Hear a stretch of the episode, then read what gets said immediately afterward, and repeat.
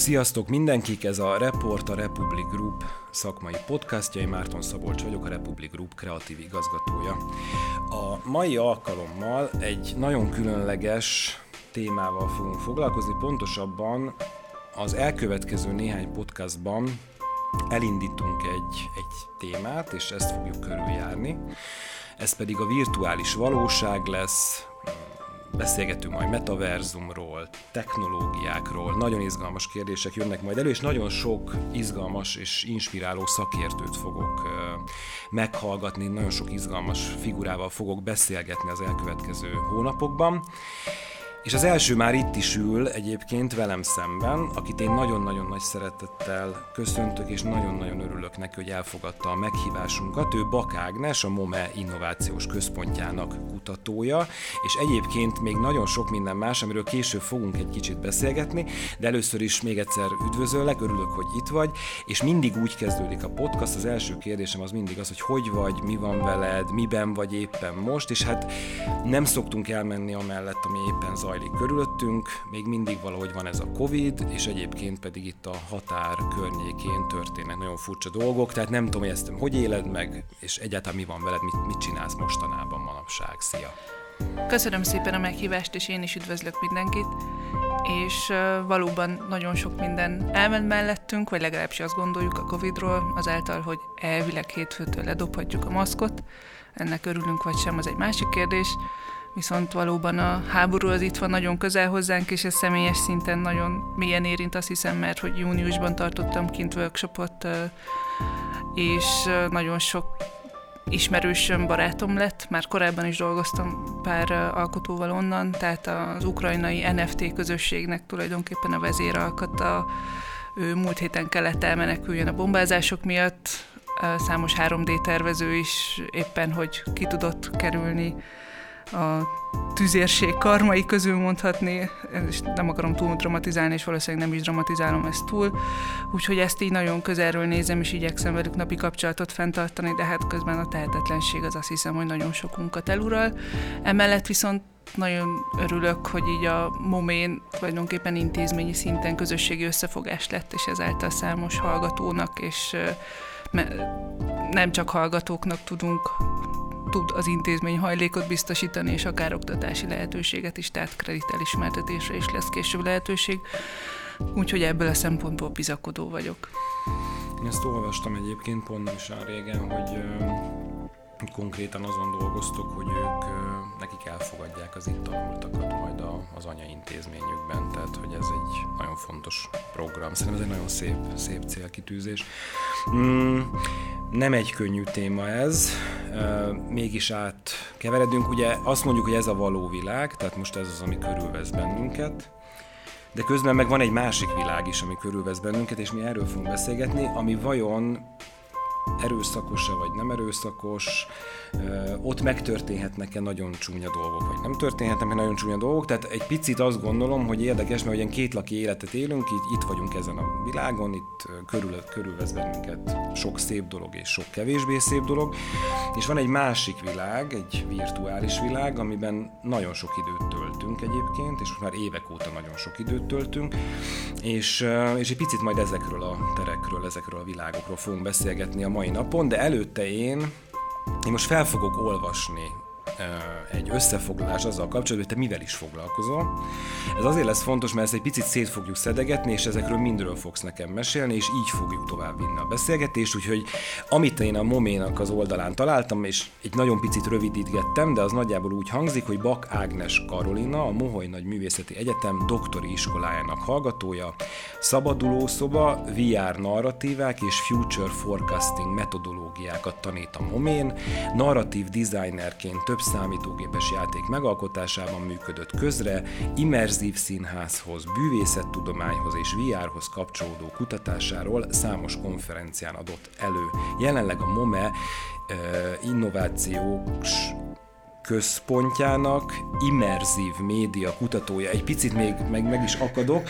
Nem azért, mert nem tudok olvasni, hanem azért, mert még így össze kell renderelni a fejemben, hogy mi is történik. Szóval, hogy húha, ez nagyon sok minden, és akkor egy picit ezt kezdjük el szétszedni, jó, és akkor én azt gondolom, hogy mindenre lesz időnk, mindenről tudunk egy kicsit beszélgetni, szóval tanítasz, és közben tanulsz is, ugye, hiszen hallgató is vagy, és oktató is vagy, ezt jól gondolom.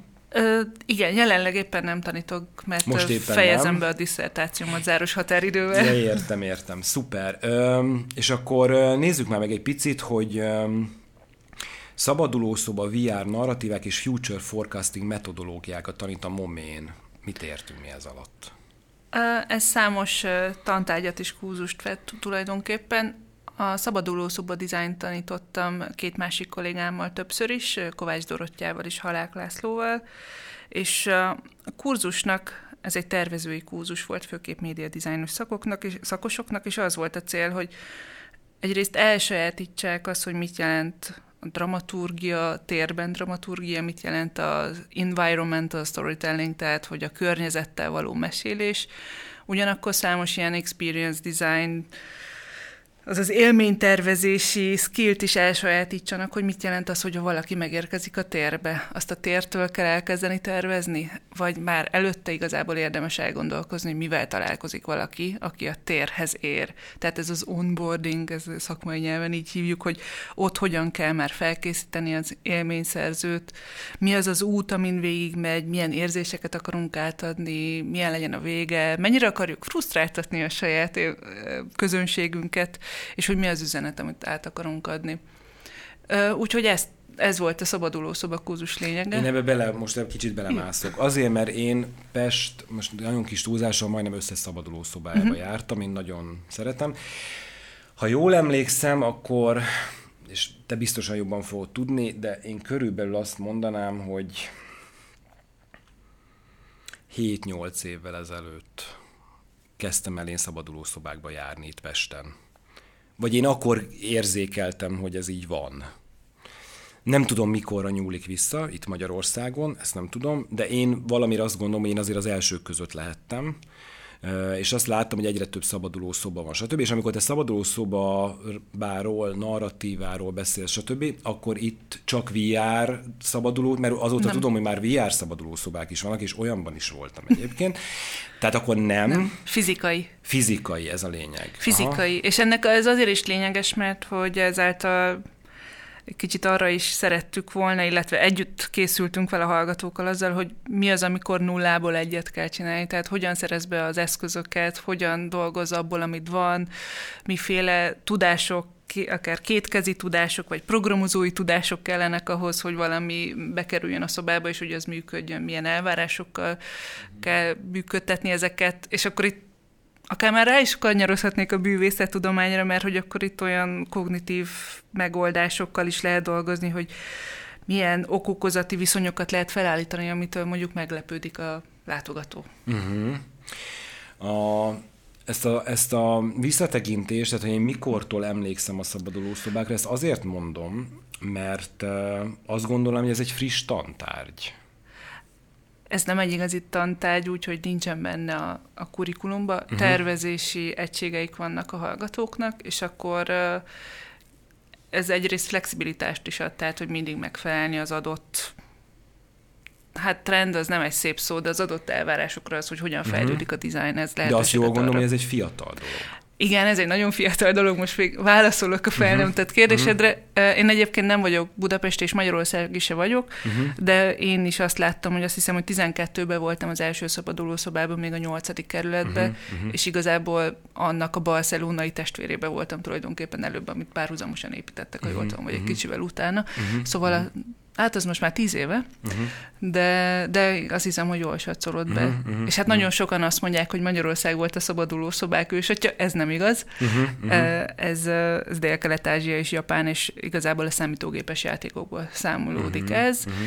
Uh-huh. De számos elmélet és elméleti könyv és tervezők is spekulálnak visszafele, hogy mit lehetne még szabaduló szobának tekinteni, tehát az egész egy ilyen összművészeti médiumba fog uh-huh. visszacsatolni. Egy személyesbe bele csapok, hogy az, aki tanítja ezt, az nagyon könnyen kijön a szabaduló szobából?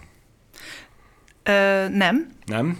És hál' Istennek nem egyedül tanítja, hogy ez egy közösségi uh, tanítási és együttgondolkozási módszer volt, és nem, és én híresen büszke vagyok arra, hogy nagyon rossz probléma megoldó vagyok szabaduló szobákban. én, mert én nekem nagyon sok szó volt, hogy ez a 60 perc nekem nem volt elég, tehát én a szoba fogja maradtam, tehát ez egyébként, hogyha nem már, ez, ez egyébként egy tervezési hiba. Tehát, uh-huh. hogy a, még egy másik tantárgy keretében, uh-huh amikor immerzív storytellinget, vagy időnként transmedia storytellingnek neveztem uh-huh. ezt a mhm. tantárgyat, amit tanítottam, akkor azt kértem a hallgatóktól, hogy menjenek el szabadulószobákba, és elemezzék, hogy mit láttak, és próbáljanak egy ilyen narratív elemzést adni arra, hogy uh-huh. mi volt a történet, a lore, a háttérsztori a szobában, uh-huh hogyan építették fel, ez nekik tulajdonképpen milyen eszközökből, vagy hogyan tudatosult számukra, hogy ez a történet van, és uh-huh. nagyon sokszor az jött ki, hogy hát, hogy nem igazán volt rendesen menedzselve az élményszerzők elvárása, tehát uh-huh. hogy, hogy be kéne valahogy kategorizálni, hogy, hogy ne ilyen hogy nem tudom, hogy frusztrált voltál-e a végén, de hogy így... Hmm, nem azt mondom, hogy frusztrált voltam, azért néha volt hogy úristen, még egy perc van, és nem fogunk kijutni, és nem jutottunk ki, de összességében én nem tudom, én azzal találkoztam, hogy ilyen szintjei voltak a szobáknak, tehát hogy jelezték, hogy ez egy nehezebb szoba, vagy közepes uh-huh. szoba, vagy nem tudom, és akkor volt, hogy nehezebb szobából nem jutottunk ide, mondjuk a könnyebb szobákból azért kijutottunk általában. Tehát, hogy ugye nem, nekem nem, bennem nem okozott frusztrációt. Ja, Egyébként, de sosem gondoltam volna arra, hogy esetleg ez szobatervezési hiba is lehet. Ez nem jutott eszembe sosem. Mindig magamba kerestem, lehet, hogy valamit mi nem vettünk észre, nem volt, nem járt elég gyorsan az agyunk. Hát sokat kéne playtesztelni a szobákat is. Aha, aha, aha. Jó, itt belecsaptál abba, most egy kicsit rákapcsolódnék, uh-huh. hogy azért ez Ázsia, meg belecsaptál abba, hogy számítógépes játékok. Erről egy kicsit beszéljünk már, mert én azt tudom, ugye ezt mondtam is, hogy te neked a számítógépes játékokhoz is van közöd, úgyhogy egy kicsit erről is beszéljünk már, hogy honnan jön ez az egész. Ez tulajdonképpen minden a doktori témámból jön, ami eredetileg amúgy nagyon színház fókuszú volt. Tehát, Aha. hogy színház tudományi hátterem is van, és Igazából itt most én mesélnék el egy nagyon személyes élményt, uh-huh. a, ami, ami engem rávezetett, hogy én nem ilyen médiumokban látom, hanem ezt az egészet ilyen egyben látom, és akkor csak így le lehet bontani médiumokra, és ez, ez, ez azt hiszem, hogy 16-ban történt, hogy hogy elkezdtem már a doktorimat, csak így nem volt teljesen világos, hogy most merre megyek, az új technológiai eszközök a színházban az érdekelt, és hogy akkor ez most miképpen befolyásolja a nézők érzetét a történetről, mert nagyon unatkoztam a színházba, és hogy rájöttem, hogy engem a sokkal jobban érdekelne, hogyha valamit én is hozzátehetnék az adott sztorihoz. És akkor kimentem Bécsbe egy előadást megnézni egy, egy ismerősöm ajánlására, és ez, hát az, az, ez egy nagyon szuper előadás volt tulajdonképpen, egy Dán-osztrák társulatnak, a Szignának az előadása. Én, amióta őket láttam, minden platformon hirdetem őket, hogy érdemes megnézni, nagyon ritkán elérhetőek az előadásaik, és egy két emeletes bérházban játszódik, egy nagyon furcsa sztoria volt annak az előadásnak, hogy vannak olyan emberek, akik belül kutyának érzik magukat, és akkor vannak családok, akik örökbe fogadják ezeket, és akkor ők el kellett meneküljenek, és, és akkor tulajdonképpen mi egy szeretet otthonban voltunk, egy öt órán keresztül mi egy fundraising eventre váltottunk egyet, és így lehetett lefőjárkálni a szobákban, beszélgetni a magukat kutyának érző emberekkel, a befogadó családokkal, az egész otthonnak a vezetőjével, és annyira hiperrealisztikus volt az egész, hogy például a kutyákat játszó előadók, a nők a testőrzetüket meghagyták, lehetett mhm. vásárolni a kutyakexet, és el lehetett dobni, és megették a földre, ez még Covid előtt volt, bár már ott is adtak néha kiszfertőtlenítőt, uh-huh. de hogy ilyen teljesen más ilyen testérzetem volt az előadás uh-huh. közben, és uh-huh. mikor kijöttem öt óra múlva, akkor ilyen konkrétan azt éreztem, hogy Ferdén láttam a világot kicsit, uh-huh. és kellett fél óra, hogy rendbe jöjjek. Uh-huh. És nekem az volt egy ilyen nagyon megváltoztató élmény, hogy igenis van olyan történet, meg olyan történetmesélési mód, ami engem megfog, és nem azt mondom, hogy nem rólam szól, hanem igenis át tudok élni valamit, valamilyen szerepbe belekerülhetek, amiben lehet, hogy a mindennapi életemben nem kerülök bele, mert ilyen és olyan korlátok közé szorítom magam, de ott kipróbálhatok valamit magamból, és akár egy mondjuk itt kvázi védett környezetben. Uh-huh. És engem azért nyűgöznek le ezek a műfajok és médiumok, mert hogy egy kicsit ilyen szerepjátékra ösztönzik az embereket uh-huh. több, kevesebb lehetőséggel. Uh-huh. onnan indul ez? Mert én, én bennem az volt valahogy, hogy nem tudom, kamaszkorodtól a Commodore-on, vagy nem tudom, hogy játszottál, ami éppen akkor volt. Tehát, hogy akkor nem a számítógép pes játékokból indul ez. Nem, sajnos nem. Nálunk volt egy olyan családi szabály, én egyébként egy programozó mert az édesapám számítógéptechnikát végzett, és a uh-huh. bátyám is, de nálunk egy olyan szabály volt, hogy a, ki tehát, hogyha a bátyám, mit tudom én, három órát olvasott, akkor három órát gépezhetett, én ha három órát olvastam, akkor három percet gépezhettem. Hmm. és, és azt hiszem, hogy itt bár mérnök szüleim voltak, hmm. de hogy így előre előre eldöntötték az útjainkat, uh-huh, de örülök, uh-huh. hogy visszatértem. Tehát én a Prince of Persia és a dekódolt SimCity-kkel nőttem fel, aztán, aztán uh-huh. bölcsészkarra, meg színházadományra mentem. Aha. Prince of Persia a Sands of Time-tól, vagy korábbról? Ezt most nem tudom megmondani. Ezt most nem tudod. A Sense of Time volt azt hiszem az első ilyen 3D-s. Nem, nem, nem, ez korábban. Ez a korábbi a két ez a, ez a két d ez a két d ez a platforma, igen, igen, igen. igen. kis figura. Jó, uh, jó, akkor megint azzal megyünk tovább, amit bedobtál, bűvészet. Uh-huh. Olyat még viszont nem láttam, tehát arról mesél nekem. Azt most már kezdem érzékelni, és szerintem ez nagyon jól meg is ágy az egyébként a témánknak olyan szempontból, hogy ugye azt mondtad, hogy ha én jól értem, akkor a hagyományos klasszikus színházban ugye valahogy ilyen kívülálló maradtál, tehát nem, nem érezted, hogy része lennél a történetnek. Nem volt elég immerzív, majd beszélünk ez erről. Ö, és aztán nőtt ez az élmény, és akkor azt érezted, hogy ne, te szeretnél olyan narratívákkal foglalkozni, olyan tereket alkotni, nem tudom, amiben én, mint az egyén, interaktálhatok, azt érezhetem valahogy, hogy része vagyok a, a történetnek, és nem egy passzív befogadó. Azt hiszem, hogy most így nagyjából így fogalmaznám meg mi van a bűvészettel? Huha. Ez egy nagyon jó kérdés.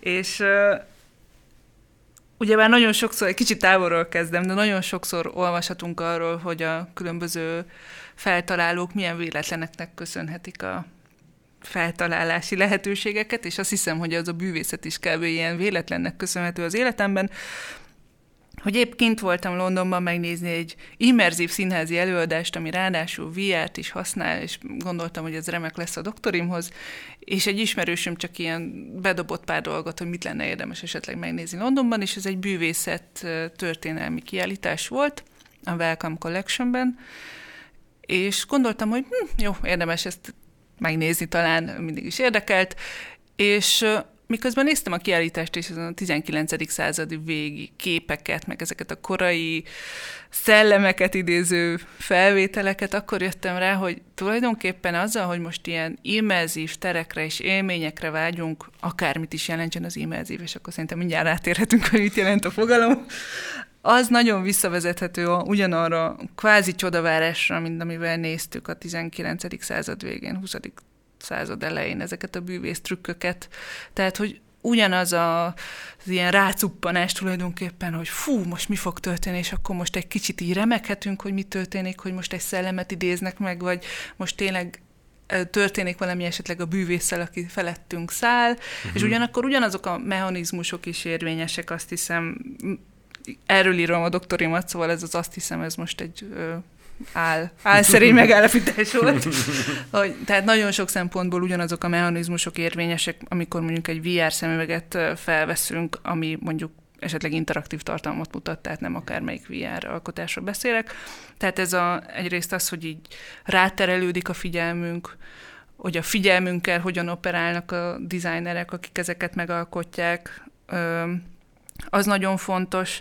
Ugyanakkor, milyen design mechanizmusok vannak, ez már videójátékban ennek már mondjuk van szakirodalma, hogy vannak ezek a branching narratív típusú játékok, tehát amikor így azt gondolod, hogy ennek 100 millió vége lesz, de hogy ugye már azért ez nagyon véges, tehát rendszerint ennek egy ilyen homokóra alakja van az ilyen branching narratívzeknek, hogy van, ami így elágazik, szétágazik, elágazik, szétágazik, és és hogy ez is nagyon sokszor azzal a mechanizmussal él, hogy így kvázi ilyen ö, hamis ö, eldöntési lehetőségeid vannak, ugyanez alkalmazott a bűvészetben is, ö, tehát számos ilyen ö, mechanizmus van, ami hasonlít, és ami engem nagyon érdekel, az, hogy, és amit nagyon nehéz mérni, és még egy kicsit keresem azért ennek a megfelelő metodológiáját, de most erre kaptunk egy kutatási alkotási pénzt a Nemzeti Kulturális Alaptól, hogy tulajdonképpen erre a gondolatra létrehozzunk egy alkotást, az az, hogy a hamis memóriát miképpen, bef- vagy miképpen képez hamis memóriát a VR,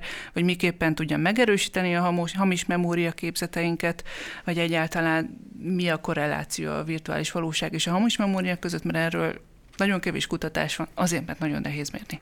Uh-huh. Ezt beszéltük a podcast még mielőtt elkezdtük volna a felvételt, hogy én azért fogok így kérdezni, hogy értsük. Mit értünk hamis memória alatt? Azt gondolom, hogy, és közben nem. Ö, az azt gondolom, hogy az talán Vagy nem úgy a... emlékszem rá? Emlékszem rá. Emlékszem rá. Emlékszem rá, hogy beültem az autóba, és elvezettem a tájboltig, ahol szembe jött velem egy bohóc, és ráfeküdt az autóra, de tulajdonképpen ezt vagy a nagynéném mesélte nekem, mert hogy vele történt meg, csak valamiért ezt így nagyon elsajátítottam, vagy valami, vagy a szüleim mesélték, vagy vannak egyébként tulajdonképpen erre, van egy fiatal kutató, Julia Shaw, aki már írt erről könyvet is, hogy milyen mechanizmusok vannak, hogy miképpen lehet ezt előidézni. Tehát, hogy van a, a, a hamis informátor. Uh-huh. A hamis informátor az tulajdonképpen egy családtag, és akkor ő a módszerét azt úgy építette fel, hogy ez nem VR-ban van, hanem ez valós térben, hogy elhívott embereket beszélgetni valamilyen kifogással, és akkor azt mondta, hogy de a nagymamád azt mesélte, hogy öt éves korodban összeverekedtél a bevásárlóközpontban uh-huh. valakivel, és akkor nem, nem, hát ez nem igaz. És uh-huh. akkor egyre jobban felépül a bizalom, minden, tehát mindkét irányba, akkor a uh-huh. nagymamára is, arra azt most sajnos nem tudom megmondani, hogy a nagymama most él vagy nem él, uh-huh. de hogy egy idő után az alanyok is úgy emlékeznek, hogy ők valóban összeverekedtek valakivel a bevásárlóközpontban, miközben ez nem történt meg. Uh-huh. Ezen gondolkoztam már egyébként, hogy amiket magammal kapcsolatban a gyerekkoromból emléknek gondolok, az vajon az anyukámnak a, az elmondásából van-e, és hogy pontosan úgy volt-e, vagy nem úgy volt. Érdekes. Ugye mondtad, hogy ez még nem VR, de gondolom akkor arról beszélgetünk, hogyha én virtuális térben vagyok, ott is megtörténhet velem, tehát én a fizikai, hogy mondjam, emlékeim közé egyébként hamis virtuális emlékképek is bekeveredhetnek? Tehát, hogy én úgy valamire emlékszem egy játékból, egy akármiből, és ez beépülhet úgy, mintha én ezt megtettem volna, vagy részese lettem volna, vagy emlékszek valamire, ami igazából virtuális volt, de azt gondolom, hogy ez nem virtuális volt. Ez is lehet? Igazából innen kezdődött el bennem ez a gondolkozási folyamat, amikor egy virtuális valóságban látott dologról gondoltam azt, hogy ezt valóságban láttam. Uh-huh. Tehát ez konkrétan egy művészi alkotás elindulása, uh-huh. mobilizálása volt, most így nem akarok belemenni részletekbe, uh-huh. de hogy ott jöttem rá, hogy fú, hát uh, eltartott egy percig, még rájöttem, hogy honnan van ez az érzésem, és hogy ez nem egy déjà vu. Aha. És ez tulajdonképpen arról szól, hogy milyen emlékképek erősekben, tehát hogy hogy a virtuális valóságban megtapasztalt emlékképek, azok tudnak-e úgy funkci- vagy tudunk-e azokra úgy emlékezni, mint hogyha ez a valóságban, a fizikai valóságunkban történt meg. Uh-huh. És itt mondjuk jó a kérdése, tehát hogy triki, hogy ez most ez hamis emlékkép, uh-huh. mert hogy most hamisnak nevezzük azt, ami virtuális valóságban van, uh-huh. és akkor erre vannak elme kognitív tudományokkal foglalkozó filozófusok, mondjuk David Chalmers, aki azt mondja, hogy azért a virtuális valóságot nem kell egy másodrangú valóságnak tekinteni, mert hogy tulajdonképpen ugyanúgy vannak fizikai lenyomatai. Tehát szerverek vannak, bitek vannak, billentyűzetet ütjük, uh-huh. tehát hogy van konkrét egyrészt fizikai leképeződése, ugyanakkor meg velünk történik meg, uh-huh. és mi mhm. ott vagyunk ebben az immerzív környezetben. Uh-huh. És, uh-huh. és hogy emiatt ezt nem feltétlenül kéne tekintenünk, másodrangú valóságként kezelnünk, hanem ez ez a valóságunk. Uh-huh. Ő egyébként Matrix kutatóként is írt könyvet. Nagyon leegyszerűsítem.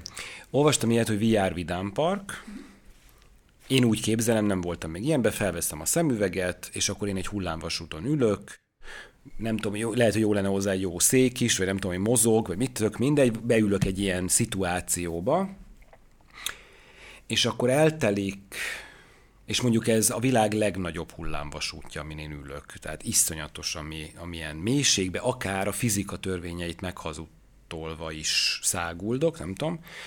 Eltelik 20 év, 30, és az unokáknak azt mesélem, hogy én ültem a világ legnagyobb hullámvasútján, és erről beszélhettünk. Tudom, emlékszem, tudom azt, hogy, hogy ez nem az volt, annyira összemosódhat, hogy nem is tudom, vagy, vagy én már csak tovább költöm, és nyilván izgalmasabb az unokáknak azt mondja, hogy igazából ott voltam. Itt szerintem ez nagyon-nagyon szép példa. Szerintem itt az a kérdés, hogy szeretnéd az unokáidat elámítani, uh-huh. Uh, azzal, hogy te valóságban voltál még, uh-huh, uh-huh. Uh, ilyen uh, nem szellemvasúton, hullámvasúton, hullám, hullámvasúton köszönöm.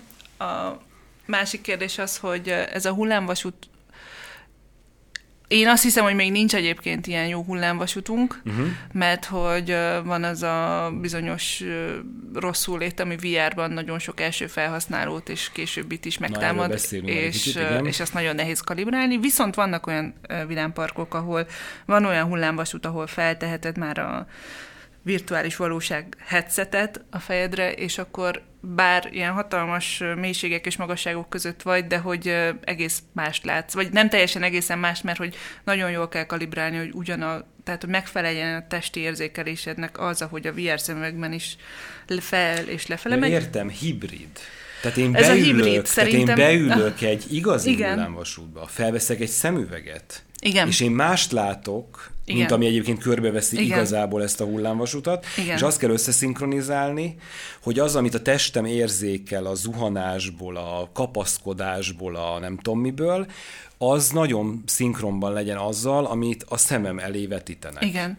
Uh-huh. Ez, ezt a típusú virtuális valóságot hívják location-based experience-nek, tehát amikor uh-huh. egy bizonyos helyhez kötődik az a, az immerzív élményadás, amit a kínálnak a mozikban egyébként a, ez a 4DX, ez valami ilyesmit akar? Tehát felveszek egy szemüveget, tudom, nem hagyjuk el a valóság, vagy egy filmet nézek, de valamennyivel beljebb kerülök a filmbe, ugye elvileg a 3D érzetnek köszönhetően. Mozog alattam a szék, spriccelik a vizet rám, fúj a szél, illatokat fújnak be, stb. Ez, ez valami, ez is ilyesmi? Ez szerintem attól függ, hogy ki hogyan határozza meg. Nekem ez inkább vicces, mert ha arra gondolok, hogy 30 év múlva megnézik az unokáink ezeket, akkor azt mondják, hogy fú, hát a szegény nagypapám az mennyit végig szenvedett, hogy ott valaki kézzel, vagy jó, nem kézzel, de hogy uh-huh, ez uh-huh. nagyon hasonlít arra, hogy milyen volt a mozi a 19. század uh-huh. elején. Visszatérve a kérdésedre, szerintem ez nem ide tartozik, mert hogy ha technológiai szempontból közelítjük meg, akkor az XR, tehát mindaz, amiről immerzív médiumként beszélünk, az AR, a VR, uh-huh. és minden, ami esetleg ez hozzá kapcsolódik, és most már azért nagyon sokszor a videójátékokat is ide soroljuk, egy bizonyos technológiai megközelítéssel készült, és ebből a szempontból nem feltétlenül tartozik ide. Uh-huh, uh-huh, uh-huh, uh-huh. Ugyanakkor megemlíteném Igen. még azért, hogy van ez a, a virtual production uh, címke alatt futó ö, filmkészítési mód, ami viszont már nagyon kapcsolódik ehhez, mert hogy ugyebár már Greenboxban készítik a filmeket, amit utólag egy játékmotor és egyéb 3D asset készítő programok segítségével állítanak be, és tulajdonképpen már nem kell egy sivatagban leforgatni egy filmet. Uh-huh.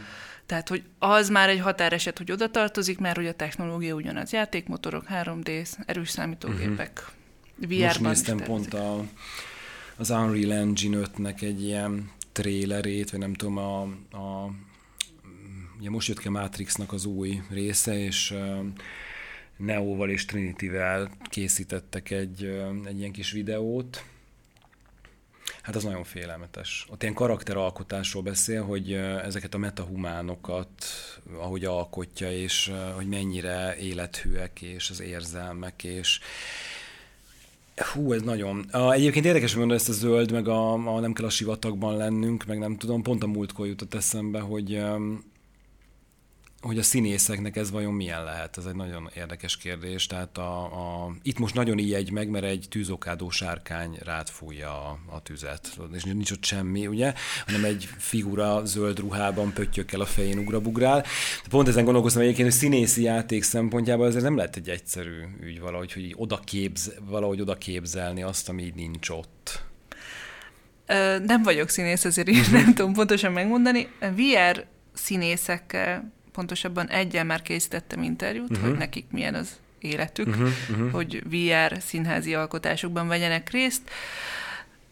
Ez sokkal inkább a technológiával kell, tehát hogy újabb kihívásaik vannak, és ez a technológia is nem uh-huh. a színésztársam, hogy mikor mondja meg a végszót, vagy hogy miképpen uh-huh. építek fel a hasam belsejéből, ahogy Stanislavski mondaná. szóval, hogy, hogy már egész mások a, a feltételeik, de hát szerintem már átérezhetjük, hogyha mi is arra gondolunk, hogy két évig a Teams előtt ültünk, ahogy mondtad. Abszolút, abszolút. Hát meg kíváncsi leszek, hogy a, elkezdtek, nem tudom, visszahozni ezer éve elhunyt színészeket, tehát hogy mi történik akkor, amikor új Chaplin filmet nézhetünk, vagy Marilyn Monroe-t, ugye? Jó, ez már messze, messzire vezet, viszont én visszaugrok oda, hogy, hogy elkezdtek előjönni a beszélgetésben kifejezések, és egy kicsit ezeket most tegyük helyre, úgyhogy most következik a beszélgetésnek a, a virtuális valóság alapok kezdőknek című, című fejezet. Itt te XR-t mondtál, AR-t mondtál, VR-t mondtál, immerzív tereket mondtál, stb. Úgyhogy ezeket egy picit tegyük helyre. Kezdjük az immerzívvel. Ugye bemerítés, bemerülés a szónak a jelentése, és én amit még olvastam ezzel kapcsolatban, hogy egyes szám első személyű ilyen tér érzékelés, vagy ugye, ahogy a térben én létezem. Egy kicsit ezt tegyük már, mikor, miről beszélünk, amikor immerzívről, immerzív médiáról beszélünk, stb. És aztán egy kicsit haladjunk azzal kapcsolatban, hogy ezen akkor az XR, az AR és a VR, és mi micsoda ebben a történetben. Uh-huh. Nem véletlen egyébként, hogy nagyon nehéz ezt meghatározni, mert hogy ez egy buzzword, és engem is ez zavar a leginkább, hogy már mindenre, az, a főzősóra is azt mondjuk, hogy az egy immerzív főzősó, csak azért, mert csempe van lent, és van egy főzőkabinunk. Uh-huh. Ilyet Londonban láttam, szóval ahol van külön egy Times Out for Immersive Events, vagy uh-huh, legalábbis uh-huh. volt boldog időkben, uh, és hogy emiatt elég meghatározhatatlan, hogy mit nevezünk immerzívnek, és többféle megközelítése van. Van egyrészt a technológiai megközelítése, amikor azt mondjuk, hogy olyan technológiai médiumok segítségével előállított térélmény, amiben az élményszerző azt érzi, hogy ráhatása van a térre, interaktálni tud vele, és vele együtt változik a tér. Tehát ez mondjuk ez a három jellemző, ez a VR-nak így a, 20 évvel ezelőtt kb. ilyen felállított három jellemzője, hogy a grafikailag követnie kell a fejmozgásunkat, interaktálni tudjunk vele, és ez egy ilyen grafikus háttér legyen, ami így lefedi így kb. a látómezőnket, amerre fordulunk. Uh-huh. Ez a technológiai része az immerzív meghatározásának, és van egy pszichológiai része az immerzió meghatározásának, az pedig a a, például az olvasási élményt is nevezhetjük immerzívnek. Tehát, hogy angolul mondják azt, hogy I was so immersed in this book. Tehát, hogy ott már, ha, mivel hogy angolból jött át hozzánk ez a fogalom, ők azért már ezt korábban alkalmazták különböző tevékenységekre, és akár itt a itt tulajdonképpen a teljes pszichológiai bevonódást értjük ez alatt. Nagyon sokszor hozzákapcsolják a Csíkszent-Mihályi féle flow élményt, hogy az is egyfajta immerzív élményt ír le, és hogy ez nagyon sok, sok szempontból összekapcsolódik. Ugyanakkor... Ez az, amikor azt mondjuk, hogy beránt a könyv, behúz uh-huh. a könyv. Tehát tulajdonképpen a külvilágot nem is érzékelve, én a Roxford falain belül egy diáktársa vagyok Harry Potternek, és követem az ő a történeteit.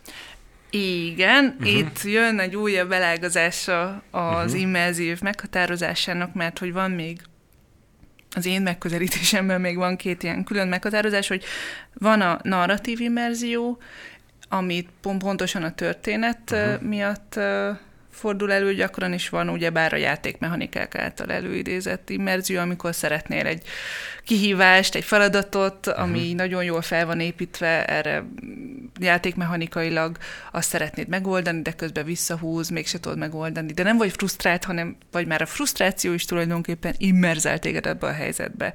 Viszont visszatérve a narratívra egyébként, vannak műfajok, amelyek az immerzívnek tulajdonképpen az ilyen flagship projektjei. Ki tudod találni, melyik az?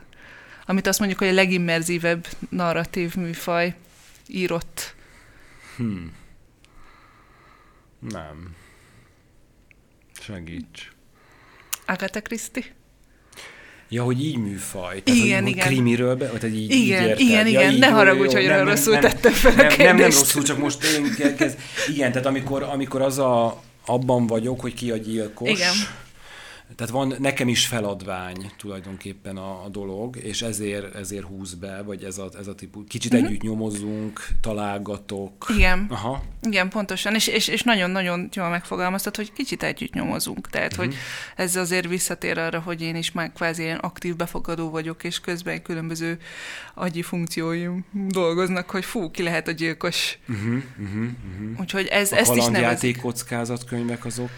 Azok is, de azoknak ugyebár van egy sokkal aktívabb, ha az ilyen hajtogatós... Az, ha, ha ez dö, így döntesz, akkor lapozza a 147. oldalra. Ö, igen, azt hiszem, hogy most már talán kevésbé számít immerzívnek, de uh-huh. az csak azért, mert elkényeztetett embereknek számítunk legalábbis itt ebben a térfélben, de hogy azok az elődjei az ilyen... Van ennek egy másik válfaj, az electronic literature, akik meg ezt kutatják, és ők tekintik uh-huh. ezt az elejének, hogy a hipertexteken végigfutó történetek, azok tulajdonképpen olyanok, mint ezek a kalandjátékkönyvek. De bocsánat, mert mindig elugrálok ezekbe a uh-huh. kutatási körökbe is. is ez semmi, nem, semmi van. Jó, tehát ott járunk, hogy az immerzióról kezdjük nagyjából érteni, uh-huh. ez a beránt bennünket és bevíz bennünket, és nem tudom, és akkor beszéltünk itt, ugye beszélünk VR-ról, uh-huh. és akkor én, én most itt um, lesek egy kicsit a én azt találtam, nagyon sok megfogalmazását találtam annak, hogy mit tekintünk virtuális valóságnak. Nem tudom, de az nagyon gyakran előjött, hogy itt valamiféle technikát magunkra kell ölteni, csatolni, feltenni, stb. Ezt így kimondhatjuk? Tehát, hogy akkor, virtuális, akkor vagyunk a virtuális valóságban, amikor a fejünkön van egy hatalmas nagy valami szemüveg, gépezet, vagy nem? Ez így nem jelenthető ki. Um, ez megint csak attól függ, hogy kit kérdezel erről. Tehát nagyon sokszor hívják virtuális valóságnak a játéktereket is, tehát a, a Fortnite tereit és a Roblox tereit, amik ezzel már lassan átmegyünk a metaverzum kérdésé felé is. Jól de csinálod, hogy... ügyesen adogatod a labdát, hogy tudjunk menni tovább, igen. Tehát azokat is lehet uh, virtuális valóságtérnek nevezni, de abban a meghatározásban, amit én mondtam az elébb, abban a, a szempontból tulajdonképpen igen, tulajdonképpen nem, mert azért nevezhetjük a bizonyos installációs tereket is virtuális valóságtérnek. Ez megint megközelítés kérdése, illetve volt a Cave technológia, amiről például Magyarországon van az egyik Cave, hát hogy is mondjam, installációs tér, azt hiszem az MTA-nak talán az informatikai kutatóközpontjába, ami nagyon erős projektorokból van felépítve, és ha te belépsz a térbe, követik azt, hogy te hogy mozogsz, és azáltal tulajdonképpen változik a térbeállítás, és így egy kicsit így tehát e, e, e, na ez az az élmény, amit én megtapasztaltam, és nem tudok leírni, uh-huh. de nagyon furcsa volt, és nem ugyanaz, mint amikor én néztem a társamat, hogy ő hogy éli meg, hanem amikor benne vagy, az, az, az, az, az nagyon furcsa volt. Viszont igen, egyébként általában a virtuális valóságot nevez. Virtuális valóság headsetet, tehát amikor felteszel egy böhöm nagy, vagy kevésbé böhöm nagy uh-huh. eszközt, apparátust a fejedre. Jobbik esetben kapsz kontrollereket, még jobb esetben már rajtad vannak érzékelők is, vagy az Oculus már érzékeli, hogy merre lépsz, és ez most egy márka volt, ezt lehet, hogy... Nem, nem, nem. nyugodtan. E, márka, rengeteget beszélünk márkákról. Jó, ez, nagyon, ez nagyon érdekes, erről beszéljünk egy kicsit. A, onnan indulok kicsit távolabbról, hogy én a hintába se érzem jól magam gyerekkorom óta a tippem, hogy valami egyensúly, fül, akármi lehet ez. Öm, és repülni repülőn se nagyon, ja. tehát hogy, hogy én, én, nem, én valahogy ezt a, e, ezeket a fura billegéseket, meg ilyesmiket nem. Hát ebből már sejtheted az első találkozásomat. Igen, igen, Aha, igen, igen. Ebből már sejtheted az első találkozásomat a szemüveggel. Én nem éreztem jól benne magam, abszolút. Tehát én, és, ja, és még valami tök érdekes. A, mivel a játékokhoz is van közöd, ezért fogod tudni, de azért mondom, hogy a, a, én TPS-ekkel játszok, tehát third person shooterekkel, amikor ugye, ezt most mondom, hogy kívülről látom a figurát, ugye. Nagyon sok FPS-sel játszanék szívesen, first person shooter, amikor ugye a kezeket látom, tehát kvázi, mintha az én testemnek a meghosszabbítása lenne, ugye, amit a, a monitoron látok. Nem tudok velük játszani, mert ott is elszédülök. Viszont a third person shooternél nem. Úgyhogy egy picit beszélgessünk erről, hogy mi a helyzet itt ezekkel a technológiákkal? Én most nem tudnám használni, pedig nagyon szeretném. Én PlayStation-on is játszok, most jön a második szemüvege a PlayStation-nek egyébként, és szerintem én nem fogom tudni használni, mert én nem érzem jól magam. Nekem van valami problémám vele. Miért van ez, vagy mit lehet ezzel kezdeni, vagy lehet, hogy én nem fogok tudni ezzel kezdeni semmit? Tudom, hogy biológiában vagyunk, meg anatómiában vagyunk, meg mindenfele vagyunk, de hogy, hogy, hogy miért van ez, vagy, vagy mitől van ez? Mert ez egy nagyon... Arra sajnos nem tudok válaszolni, hogy, hogy, hogy hogy vajon elérkezik-e számodra aha, ez aha. az alkalmas eszköz. Gyanítom, hogy az már nem egy eszköz lesz, hanem az már egy kvázi láthatatlan interfész lesz, ami neked kényelmes lesz. Uh-huh. De ez egy nagyon pontos mérnöki munkát kell jelentsen, amikor valaki virtuális valóság interaktív tartalmakat fejleszt, uh-huh. mert, mert nagyon összhangban kell legyen azzal, ami tulajdonképpen zajlik a fizikai valóságban. Uh-huh. Egyébként most visszatérve kicsit arra, amit említettem röviden, amitől az NK-tól kaptunk támogatást, az, az egy színházi VR, jelenlegi tervek szerint egy színházi VR alkotás lesz, és ott pont ezeket az érzékeket szeretném kicsit jobban kibontani. Egyébként nem meglepő módon Houdini lenne egyébként az élményszerzőnek a társa, és akkor ő különböző magic dolgokat csinálni az, érzék, az érzékszerveinkkel, de főképp mondjuk így a kognitívakkal, de az egyebekkel is, és, és hogy ott már így a konceptalkot, tehát már két évvel ezelőtt neki fogtunk egyébként ezen dolgozni, és már ott kibukott, hogy fú, itt azért az emberek nagyon rosszul legyenek. Uh-huh. Tehát, hogy hogy nagyon, nagyon kényes kérdés, hogy mitől leszel rosszul, és mitől nem. Egyébként uh-huh. nem tudom, hogy a planket esetleg ki tudtad próbálni, vagy nem. Mert, mert a, és ez egy kicsit eltereli a problémától, de hogy mindjárt visszatérek, uh-huh. tehát, hogy a mozi kezdeti szakaszában is volt egy ilyen nagy élményszerzési wow effekt, hogy így a vonatot akartuk nézni, hogy hogy jön a vonat felénk, és akkor elruhanni, tehát ugyebár van ez a híres, vagy éppen hírhet jelenet, uh-huh. és hogy a VR-ban is ugyanez fedezhető fel, hogy tulajdonképpen mindenki így a hullámvasutat szeretné, az uh-huh. ilyen nagyon erős érzéki élményeket megszerezni, és az készítők is erre fele mennek, inkluzív magamról is beszélek uh-huh. most, bár igen, jó kérdés, és uh, van egy ilyen uh, tulajdonképpen már egy nagyon eklatáns virtuális valóság alkalmazás, amikor te virtuális valóságban egy ilyen több száz méter magasan levő deszkán kell végigmenjél, és nagyon-nagyon sok ember azt például már virtuális valóságban fél teljesíteni, mert hogy annyira reális. Hm. Ez, itt megint csak az a kérdés, hogy hányszor próbáltad meg vajon, hogy felvedd a headsetet, mert az is lehet, hogyha sokszor erőlteted magad egy kicsit uh-huh. idő után megszokod, uh-huh az is kérdés, és most kicsit visszakanyarodnék még a virtuális valóság alkalmazásoknak a típusaira, hogy 360 filmet azt meg tudsz nézni. Uh-huh.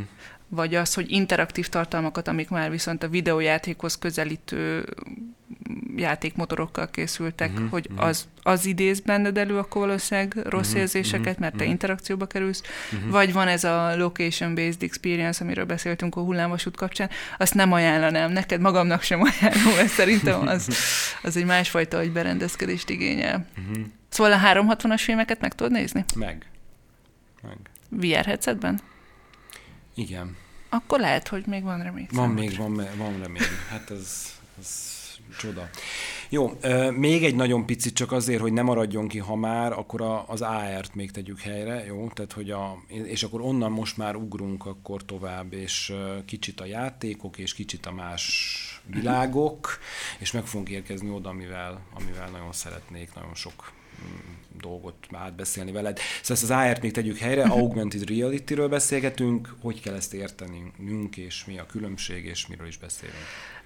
Az augmented reality is tulajdonképpen egy olyasmi, ami, ami ennek nagyon sok meghatározása van. Tehát, hogy az, a, nagyon sokan az augmented reality alatt azt értik, amit a HoloLens szemüveggel látunk a térben, amikor feltesszük, és akkor itt mondjuk így a mikrofonom környékén megjelenik egy tündér, és akkor így leporolja a mikrofont, és én azt gondolom, hogy az az AR, de hát nagyon sok szempontból a Google Maps-et is tekinthetjük egy AR-nek, ami tulajdonképpen így átalakítja a látásmódunkat a térről, és egy kicsit másképp látjuk. Nagyon sokan ugye már azt mondják, hogy tulajdonképpen ez lesz a jövő, mert ki akar felvenni egy VR szemeget, amivel teljesen elizolálódik a környezetétől, uh-huh. és ki az, aki inkább így szeretne tudatosan benne maradni a környezetébe, de más dolgokat is látni. Technológiailag ez azért még azt hiszem, hogy nehezebb, uh-huh. viszont már vannak például AR storytelling alkotások, amelyek ilyen kis babaházban játszódnak, és akkor te interaktálni tudsz az uh-huh. kis karakterekkel, és mégis ez egy fizikai valóságban uh-huh. zajlik. Jó, innen át tudunk ugrani, mert hogy azt mondtad, hogy ki akarná magát izolálni. Ugye ezt mondta, tehát, hogy én felveszem a szemüveget, kizárom a külvilágot, és én egy új világ részese leszek, és én egy új világban vagyok. Na és akkor innen ugrunk oda, hogy nem olyan régen egyébként a Facebook egyszer csak mettává alakult, a, a Mark Zuckerberg bemutatott egy filmet, láttuk az ő avatárját, és elkezdett arról beszélni. Kicsit azt érezhettük, hogy valami nagyon új dolog születik, aztán majd beszélgetünk róla, hogy nem annyira új azért ez, a, ez az elképzelés, vagy ez a gondolat. Ő arról beszélt, hogy, hogy elindul meta, a metaverzum építése, nem egészen úgy értette ő, hogy ők építenek egy metaverzumot, hanem hogy nagyon sokféle metaverzum vagy fog épülni, és hogy az életünknek, ugye ma azt mondjuk, hogy nem tudom, kutatások azt mutatják, hogy nem tudom, akár naponta 6-8 órát is a okostelefonunk képernyőjét bámuljuk. Ilyen alapon ugye 6-8 órát eltölthetünk egy virtuális térben is, tehát hogy ha már ennyi időt eltöltünk ugye a, és amikor a Facebookunkat, az Instagramunkat, a TikTokot, a nem tudom mit nézegetünk, ugye, akkor végül is akkor is valahol egy másik univerzumban járkálunk, hiszen influencerek életében, vagy nem biztos, hogy a valós életükben, de legalábbis amit mutatnak nekünk, abban, azokban az életükben sétafikálunk, megnézzük a lakásukat, hogy mit főznek. Nem. Tehát akkor is, akkor is valahogy kicsit más világokban vagyunk. Ő azt mondja, hogy ezt egyszer csak majd 3D-sé fogjuk tenni, és akkor találkozunk a 3D-s edzőterembe, és akkor nem tudom, te az ukrán barátaiddal a futópadon, mert otthon lesz egy kis futópadod, azon kocogsz, közben oldalra nézel, ott van a barátnő, lehet beszélgetni, stb. stb. Vagy együtt dolgozunk, belépünk ilyen munkaterekbe, és akkor különböző országokból, találkoznak az avatárjaink, és jól elbeszélgettünk, nem tudom, iszogatunk, akármi. Szóval, hogy, hogy ő elindította ezt, és azért azt lehet látni, hogy ez, ez azért valamit megindított már, mint olyan szempontból, hogy, hogy egyre, egyre többször jön, jönnek föl nekem, és látom, hogy ez is, meg az is, meg amaz is, és itt majd akkor a játékok is elindultak, meg itt nagyon messze mehetünk, mert itt, itt ide tartozik, nem tartozik oda, pont említetted a, a, az NFT-k világa, a virtuális valuták világa. Szóval nagyon sok, sok, sok minden van itt, amiről, amiről lehet beszélgetni, de kicsit beszéljünk már arról, hogy akkor metaverzum, hogy akkor mi is a metaverzum, meg szerinted ennek ez hova tart, a jövője, két évről beszélünk, húsz évről beszélünk, Picit nézzük már meg, hogy mit gondolsz erről. Fú, nagyon Tudom, nagyon... hogy sok, de nem baj, bontogassuk. Jó, hát a, elsősorban uh, gratulálunk Zuckerbergnek, hogy ezt a nevet megtalálta. Nem, sajnos a spanyol viasz találta fel, fogalmazunk így. Egyébként, fun fact, pont a, ezzel a, az ukrán uh, jó barátommal volt egy kulturális projektünk még 2010 2020-ban, uh-huh. Mhm. nem 10, amikor Mozilla House-ban más együttműködőkkel együtt, de Mozilla House-ban szerettünk volna létrehozni egy kult, hát kultúrotthont, uh-huh, egy ilyen közösségi központot, tehát ez egy ilyen virtuális térben levő, és ott az alprogram, amit mi külön, külön szerveztünk, annak az volt a neve, hogy Speculative Playrooms, magának a projektnek az volt a neve, hogy Karagóra egyébként még most is létezik a Hubsban, és időnként még kapunk is igénylést, hogy valaki szeretné ezt az előre felépített teret használni és a Speculative Playrooms-ban pedig olyan alkotókat kerestünk, akik így párokban vagy trióban felépítenének egy-egy témakörre egy-egy bizonyos olyan online teret, ami mondjuk így akár funkcionálisan használható is lesz. Mondjuk az egyik témakör az a pénzjövője volt, és miképpen lehet a pénzjövőjére gondolva egy online teret kitalálni, ami mondjuk így funkcionálisan alkalmazható is lesz. Mm. És az másik ilyen topik az a metaverzum volt, uh-huh, csak ide akartam uh-huh. kiukadni. Ott egy pihenőtér alakult ki, tehát egy ilyen online relaxációs tér. Tehát a metaverzum az tulajdonképpen az már így egy régóta velünk levő fogalom, a számos megközelítése van, hogy ezt most tulajdonképpen először kikezdte el használni. Meg Nekem ki... az van ide hogy az eredeti leírás Neil Stevenson nevéhez fűződik. Én ezt találtam. Én aki ennek azt mondta, nem. hogy egy olyan hely lenne, amely akár a világból való menekülést jelenthetné, hogy mennyire ideális és utopisztikus egy ilyen digitális univerzum, az a fejlesztőin és a felhasználóin is múlik. Ezt, ezt hányban írta? Hú, ezt nem tudom, ezt megmondom őszintén, ezt nem tudom. De ő dobta föl nekem, hogy ő hozzá kötötte az eredeti, az uh-huh. első leírást. Ö, ennek nem vagyok szakértője, uh-huh. én láttam olvasgattam, hogy ki, mir, ki, mire, ki kire hivatkozik, kicsit így dzsungel volt most így a beszélgetésre uh-huh. készülve is, és, és akkor úgy éreztem, hogy ez lehet, hogy ez az a talaj, amiről most így uh-huh. nem tudnék beszélni. Uh, viszont ami így fontos még így a felvezetődben, így, vagy hát nem a felvezető, a kérdésedben mondtad, hogy így azért a, most így belenézünk az influencerek életébe, tehát hogy ez is mennyire része mondjuk a metaverzumnak, és akkor itt van egy ilyen diskurzus, amit a mostani ilyen megmondó, vagy jobban reflektáltabb emberek mondanak, hogy azért érdemes elkülöníteni a metaverzumot a Web3-tól, uh-huh, amit mhm. várunk. Uh-huh. Tehát a metaverzum az nem a Web3, hanem a, a Web3 az tulajdonképpen az az, amit azt gondoljuk, hogy ő, holnap az lesz az internet. Tehát a web egy azt tartott 2004-ig, azt hiszem, uh-huh. amikor ilyen információszerzésre használtuk. Uh-huh. Mostanában a saját magunk által előállított tartalomnak a minél inkább publikus tételére uh-huh. használjuk az internetet, és ezeknek az interferálására, vagy, és akár fikciós vagy valós emberekkel közösen tartalomgyártásra. Uh-huh. És a Web3 lesz az, amikor az ilyen kvázi decentralizált hálókon keresztül információkat osztunk meg, és parancsokat, most parancsot ért informatikai uh-huh. szó alatt, tehát hogy, hogy egyfajta másfajta életvitelre visz ez rá minket, és hogy szerintem amikor az Instán nézzük mások életét, az inkább ez a Web2, Web3-hoz uh-huh. kapcsolódó, míg a metaverzum az én megközelítésemben még egyszer hangsúlyoznám, a sokkal inkább egy olyan tereknek a kialakítása, amelyek akár eszközfüggetlenek is lehetnek, tehát a telefonomról is be tudok lépni, és ott olyan tevékenységeket folytatok, amiket mondjuk így a valóságban nem, de ez nem a Facebook, tehát uh-huh. hogy nem az, hogy megosztok, vagy bármi más csinálok, hanem ott tulajdonképpen mondjuk be tudok menni egy bankba. Uh-huh. Olvastam egy ilyen cikket, hogy azt hiszem, hogy Dél-Korea már így erre készül. Uh-huh. Ők hatalmas pénzt akarnak ebbe belefektetni, hogy bizonyos ilyen infrastruktúrális dolgokat már a metaverzumban lehessen megcsinálni.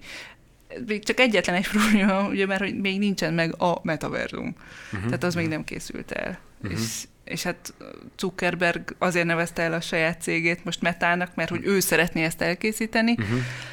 de már találhatunk olyan 2D, illetve 3D környezeteket is, amelyek így erre hajaznak. Tehát amit már beszéltünk, a Roblox vagy a Fortnite, uh-huh. az mhm. ugyebár erre készül, vagyis uh-huh. hogy ennek tekinthető, mivel hogy hatalmas így a fluktuáció, hogy így élő koncertek vannak, ezek, uh-huh. amit mondtál, hogy különböző más más fikciós környezeteknek a figurái is bekerülnek, uh-huh. és emellett pedig vannak az olyan környezetek, mint a social VR csetek, uh-huh. ahova be lehet lépni, akár VR szemüvegből, de akár desktopról is, tehát te is kipróbálhatod uh-huh. bátran, és ez az, amit így jobban ö, támadnak tulajdonképpen, uh-huh. hogy itt mi történhet. A Robloxról és a Fortnite-ról is lehet olvasni, hogy mennyire biztonságosak, uh-huh. de, de hogy tulajdonképpen ezek a terek azok, amiket most ilyen alap uh-huh. metaverse-szerű környezeteknek tekintenek. És én kicsit, most én kicsit uh-huh. úgy ért, vagy értettem, vagy, vagy, vagy csak így egyszerűsítettem le, hogy um, ugye ő egy hatalmas ilyen social felület, amit eddig mi két D-ben ismertünk. Tehát úgy felcsúsztak a posztok, a képek, a nem tudom, videók, meg az életünk csúszkáltak fölfele.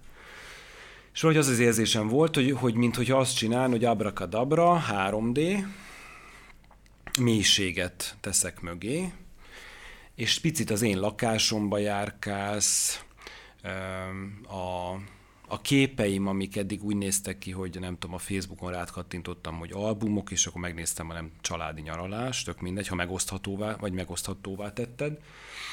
Kicsit azt éreztem, hogy most lehet, hogy, hogy egy nappaliban lesz egy emlékkönyv, vagy egy fényképalbum, és akkor abban én belenézegetek, mert te oda teszed a képeket, amik, vagy kitetted a falra a képeimet, nem tudom.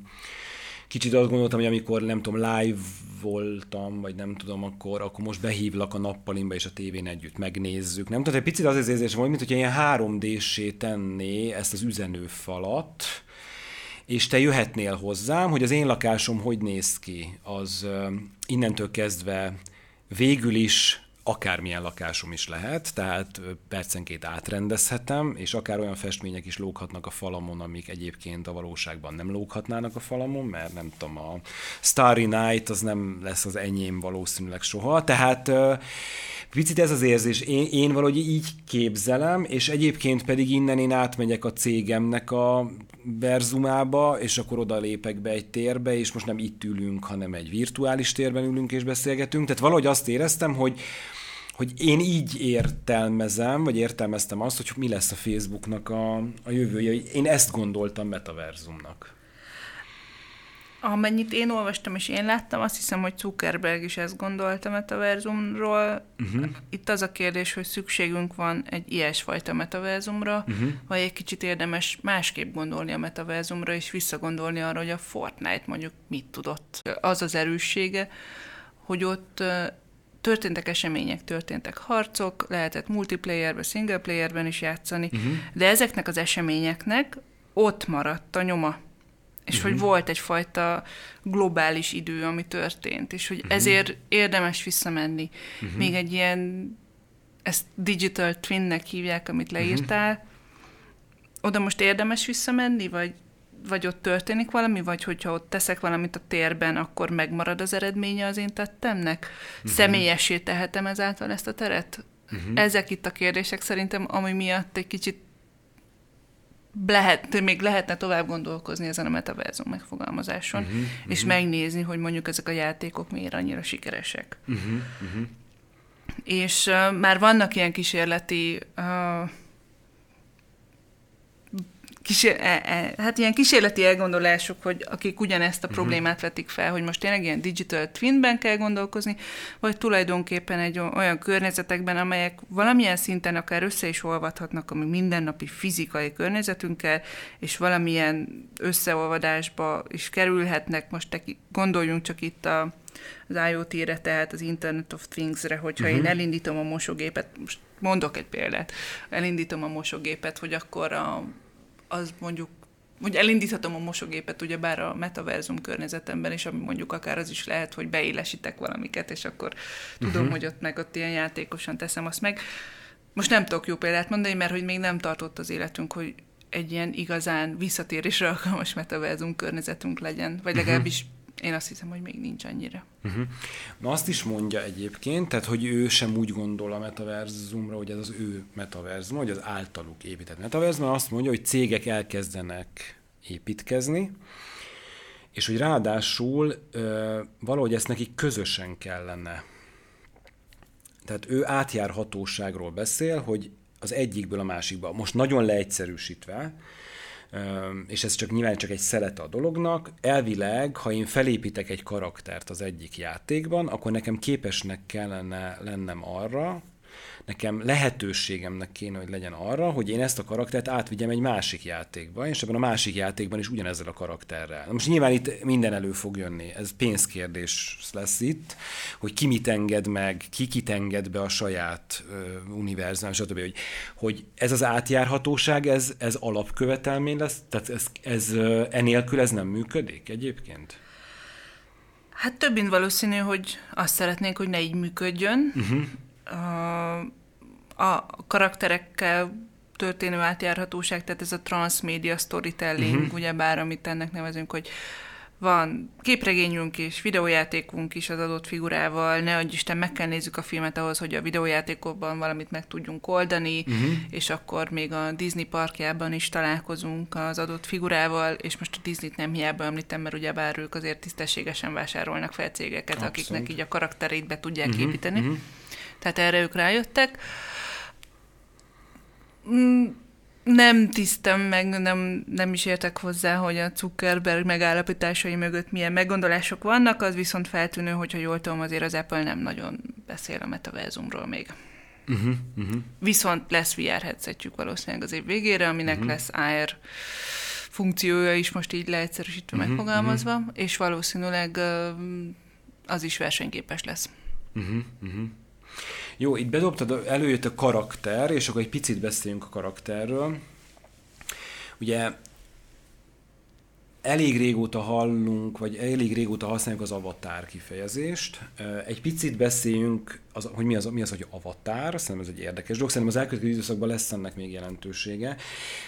Az én fejemben ez úgy él, hogy elég régen találkoztam ezzel a kifejezéssel, aztán valahogy nem lett, valahogy egy idő után, mintha kikopott volna, egyre kevesebbet hallottam, aztán most megint elkezdtem valahogy hallani, ha jól gondolom én, aztán te majd kiegészíted, vagy javítod, hogy ez valahogy az én virtuális lényem, énem, vagy egy szelete az én, az, amit én megmutatok magamból a virtuális térben igaz, nem igaz, úgy van, nem úgy van, ez egy kérdés, hogy ez mennyire vagyok én, vagy mennyire nem vagyok én, erről majd beszélgetünk. Mi az avatár? Ez az avatár? Ez lesz az avatár? Lesz avatár? Nem lesz avatár?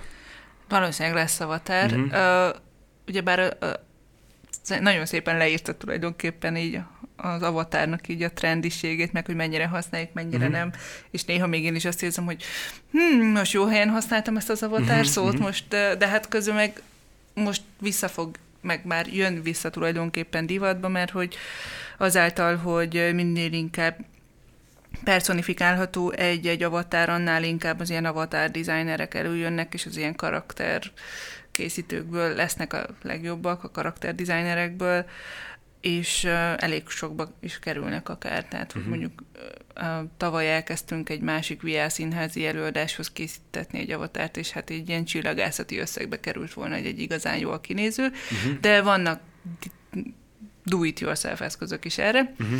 és vannak erre workshopok is, hogyan készítsd el a saját avatárod, uh-huh.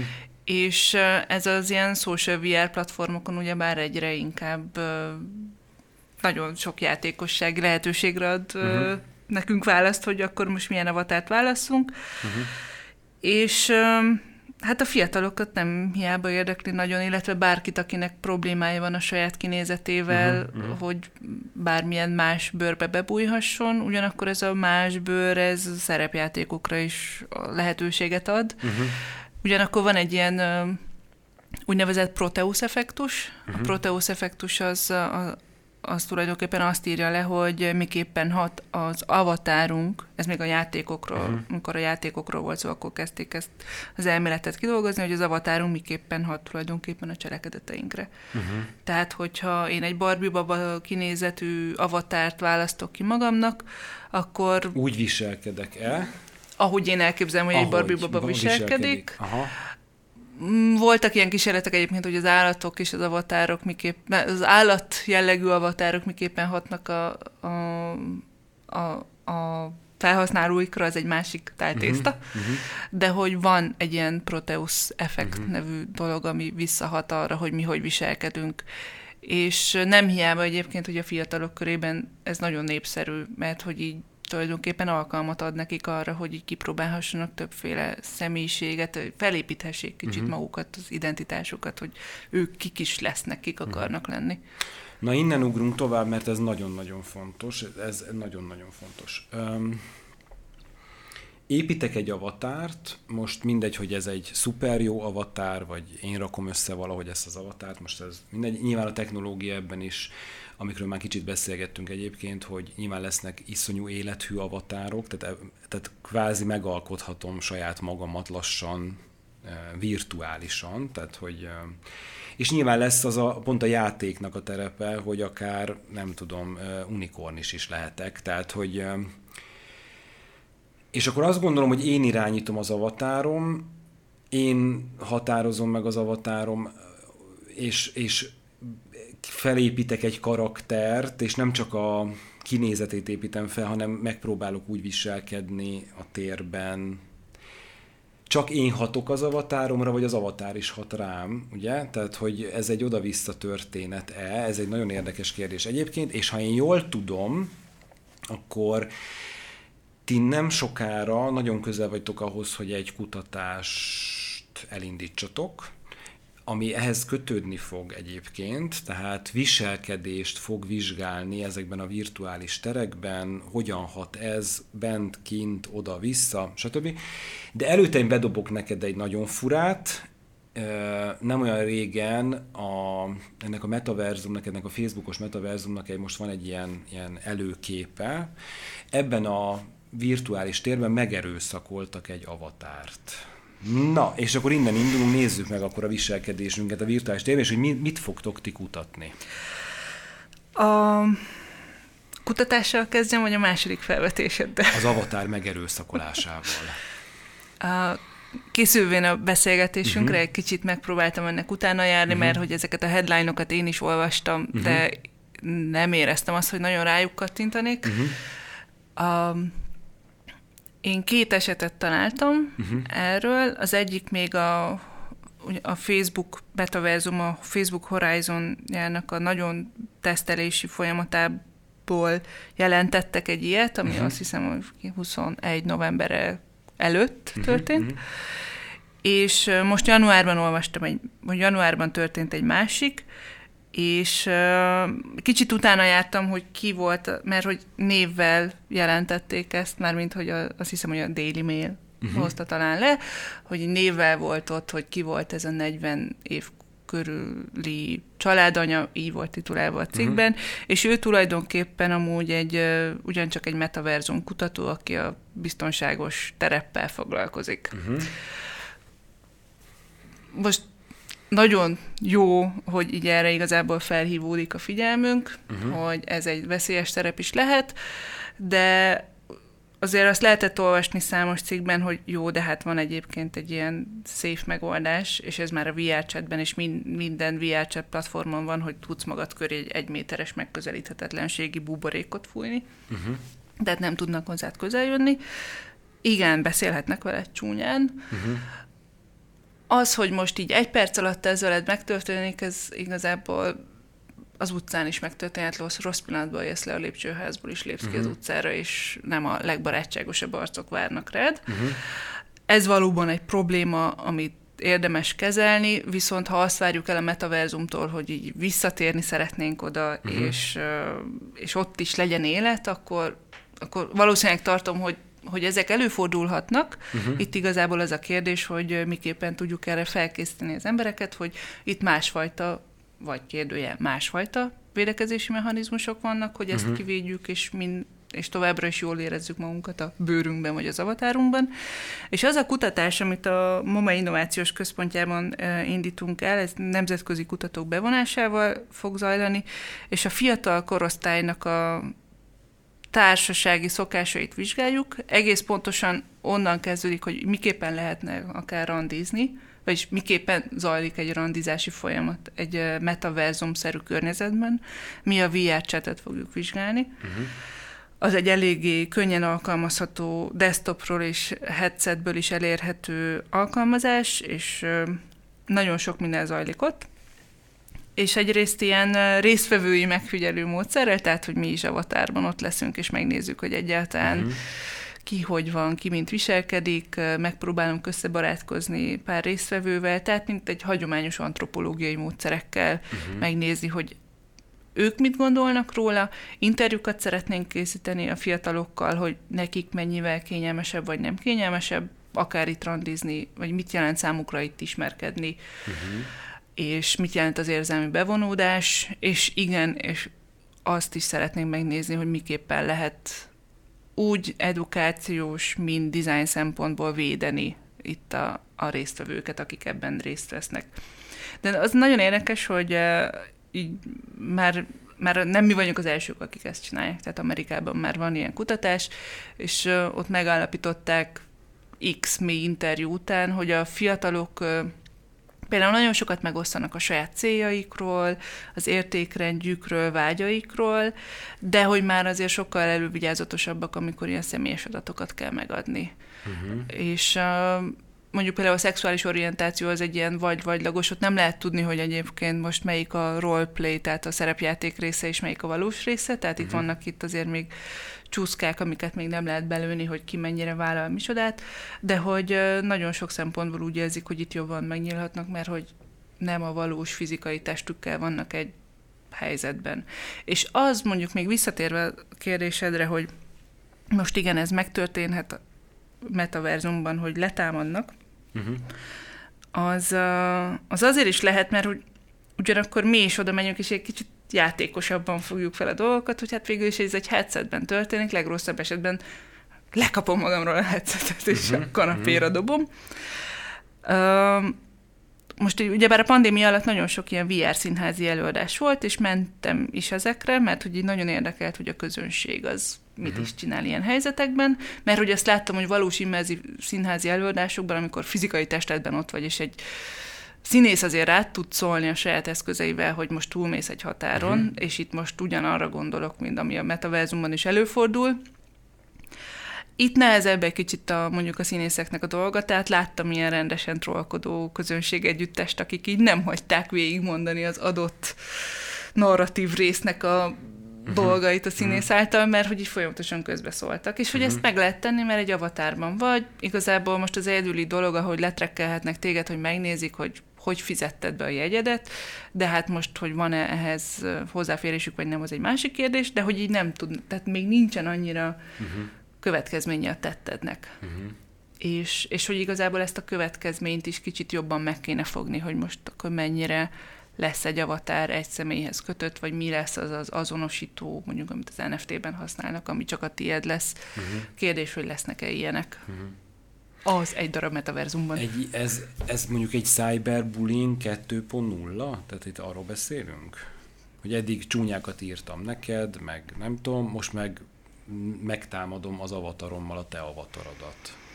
Hát 3.0. 3.0. De még mindig nagyon szűk az a közönség, aki ehhez hozzáfér, tehát itt azért érdemes megnézni a számokat, hogy uh-huh. még mindig nincs annyi VR headset eladva, mint uh-huh. amennyire gondoltunk volna ezelőtt öt évvel. Uh-huh. Uh-huh. Tehát itt a, a cyberbullying az azért történt meg sokkal gyakrabban, mert azért az afrikai országokban is nagyon sok mindenkinek van okostelefonja. Az internet elérés az lassúbb, uh-huh. de ott is a Facebook működik. Itt uh-huh. nem akarom kicsinyíteni a cyberbullyingnak a uh-huh. kérdését a metaverzumban, de azért lássuk be, hogy itt azért egy elég jól meghatározható társadalmi réteg jut uh-huh. ide be. Uh-huh. Mert azért desktopról nem akkor élmény bemenni. Uh-huh. Uh-huh. Uh-huh. Szociológusok, pszichológusok vizsgálják már ezt egyébként? Igen, igen, uh-huh. igen. Tehát már, amit említettem, hogy Amerikában vannak kutatások, uh-huh. és vannak, akik erre specializálódtak, hogy ennek mennek utána a problémakör számos részének, hogy most egyáltalán gyerekek mit kezdenek VR chatben, ami mondjuk egy másik kérdés, hogy a gyerekek egyáltalán mennyire jó az, hogy a gyerekek VR szemüveget felvesznek. Mert uh-huh. hogy ez nem feltétlenül egészséges akár az izmaik, vagy egészséges uh-huh. a szemizmaiknak, tehát ezt inkább uh-huh. egy nyitott kérdésként tenném fel. Ezt uh, meglátjuk, de hogy ez már egy zajló kutatási folyamat, talán a térségünkben azért annyira nem foglalkoznak A végén ezzel. úgy fogunk kinézni, mint a vóliban az emberek. Ülünk ilyen lebegő székekben, nagyon kövérek leszünk, a fejünkön lesz egy ilyen sisak, és közben jár, nem tudom, balin járunk éppen, és csak eszünk, vagy sőt, táplál bennünket ez a szék. Remélem nem. Ez a záró kérdés, a záró momentumban vagyunk. Te, aki te ez ennyire érdekel, te, az a, te, aki ilyen sok oldalról figyeled, kutatod, tanítod, próbálod, te kék túrázol, sétálsz, kutyázol, barátokkal nagyon örülsz, hogy újra találkozhatsz, nem tudom, vagy, vagy neked nagyon el kell merülni, neked nagyon sok időt kell valahogy ebben lenni. hogy van ez? Tehát, hogy, hogy ezt el tudod választani, ezt neked el kell tudni választani, vagy bele tudsz csúszni, vagy, vagy, vagy, vagy, vagy, vagy mennyire tudsz kívülálló lenni ebben, Létezik-e az a válaszod, hogy, hogy jónak gondolom, félek tőle, vagy hogy, hogy kutatóként nyilván ez egy nagyon más dolog? Uh, jó a kérdés. Uh, ahhoz, hogy kutatóként ezt azt hiszem, hogy hitelesen tudjam vizsgálni, ezért elég sok időt ebben el kell töltenem, és igyekszem is eltölteni. Ugyebár nekem is azért számos fizikai, meg ilyen mentális kérdés, mentális, kérdéseim vannak tulajdonképpen, uh-huh. hogy most ez mennyire érzem én magam jól ebben a környezetben, tehát, hogy azért szívesebben na nem is kék túrázok, de szívesen végzek fizikai dolgokat én is, tehát a fizikai valóságban. Ez azt hiszem, hogy inkább egy ilyen kiegészítő és sok szempontból életet leegyszerűsítő dologként tekintek erre, de, de visszatérve a tegnap este Nikita haverommal azt, az beszéltük, hogy azért még sörözzünk együtt, és ezt végszónak hagynám. Szuper. Nagyon szépen köszönöm, hogy eljöttél. Nagyon-nagyon inspiráló volt, nagyon izgalmas volt. Én, én, én sokkal közelebb kerültem, sokkal, tehát rengeteg információt gyűjtöttem. Úgyhogy nagyon szépen köszönöm, hogy itt voltál. Én köszönöm a meghívást. A hallgatóknak is nagyon köszönöm. Bakágnes a MOME Innovációs Központjának kutatója, és hát már nem sorolom fel, hogy mennyi minden, mindennel foglalkozó kutató volt a vendégem. Köszönöm mindenkinek, hogy itt voltatok, ez volt a Report, a Republic Group podcastja. Én Márton Szabolcs vagyok, a Republic Group kreatív igazgatója, és a következő podcastban haladunk tovább a metaverzumban, haladunk tovább a virtuális valóságban. Egy újabb szakértő érkezik majd, nem sokára találkozunk, addig is minden jót, sziasztok!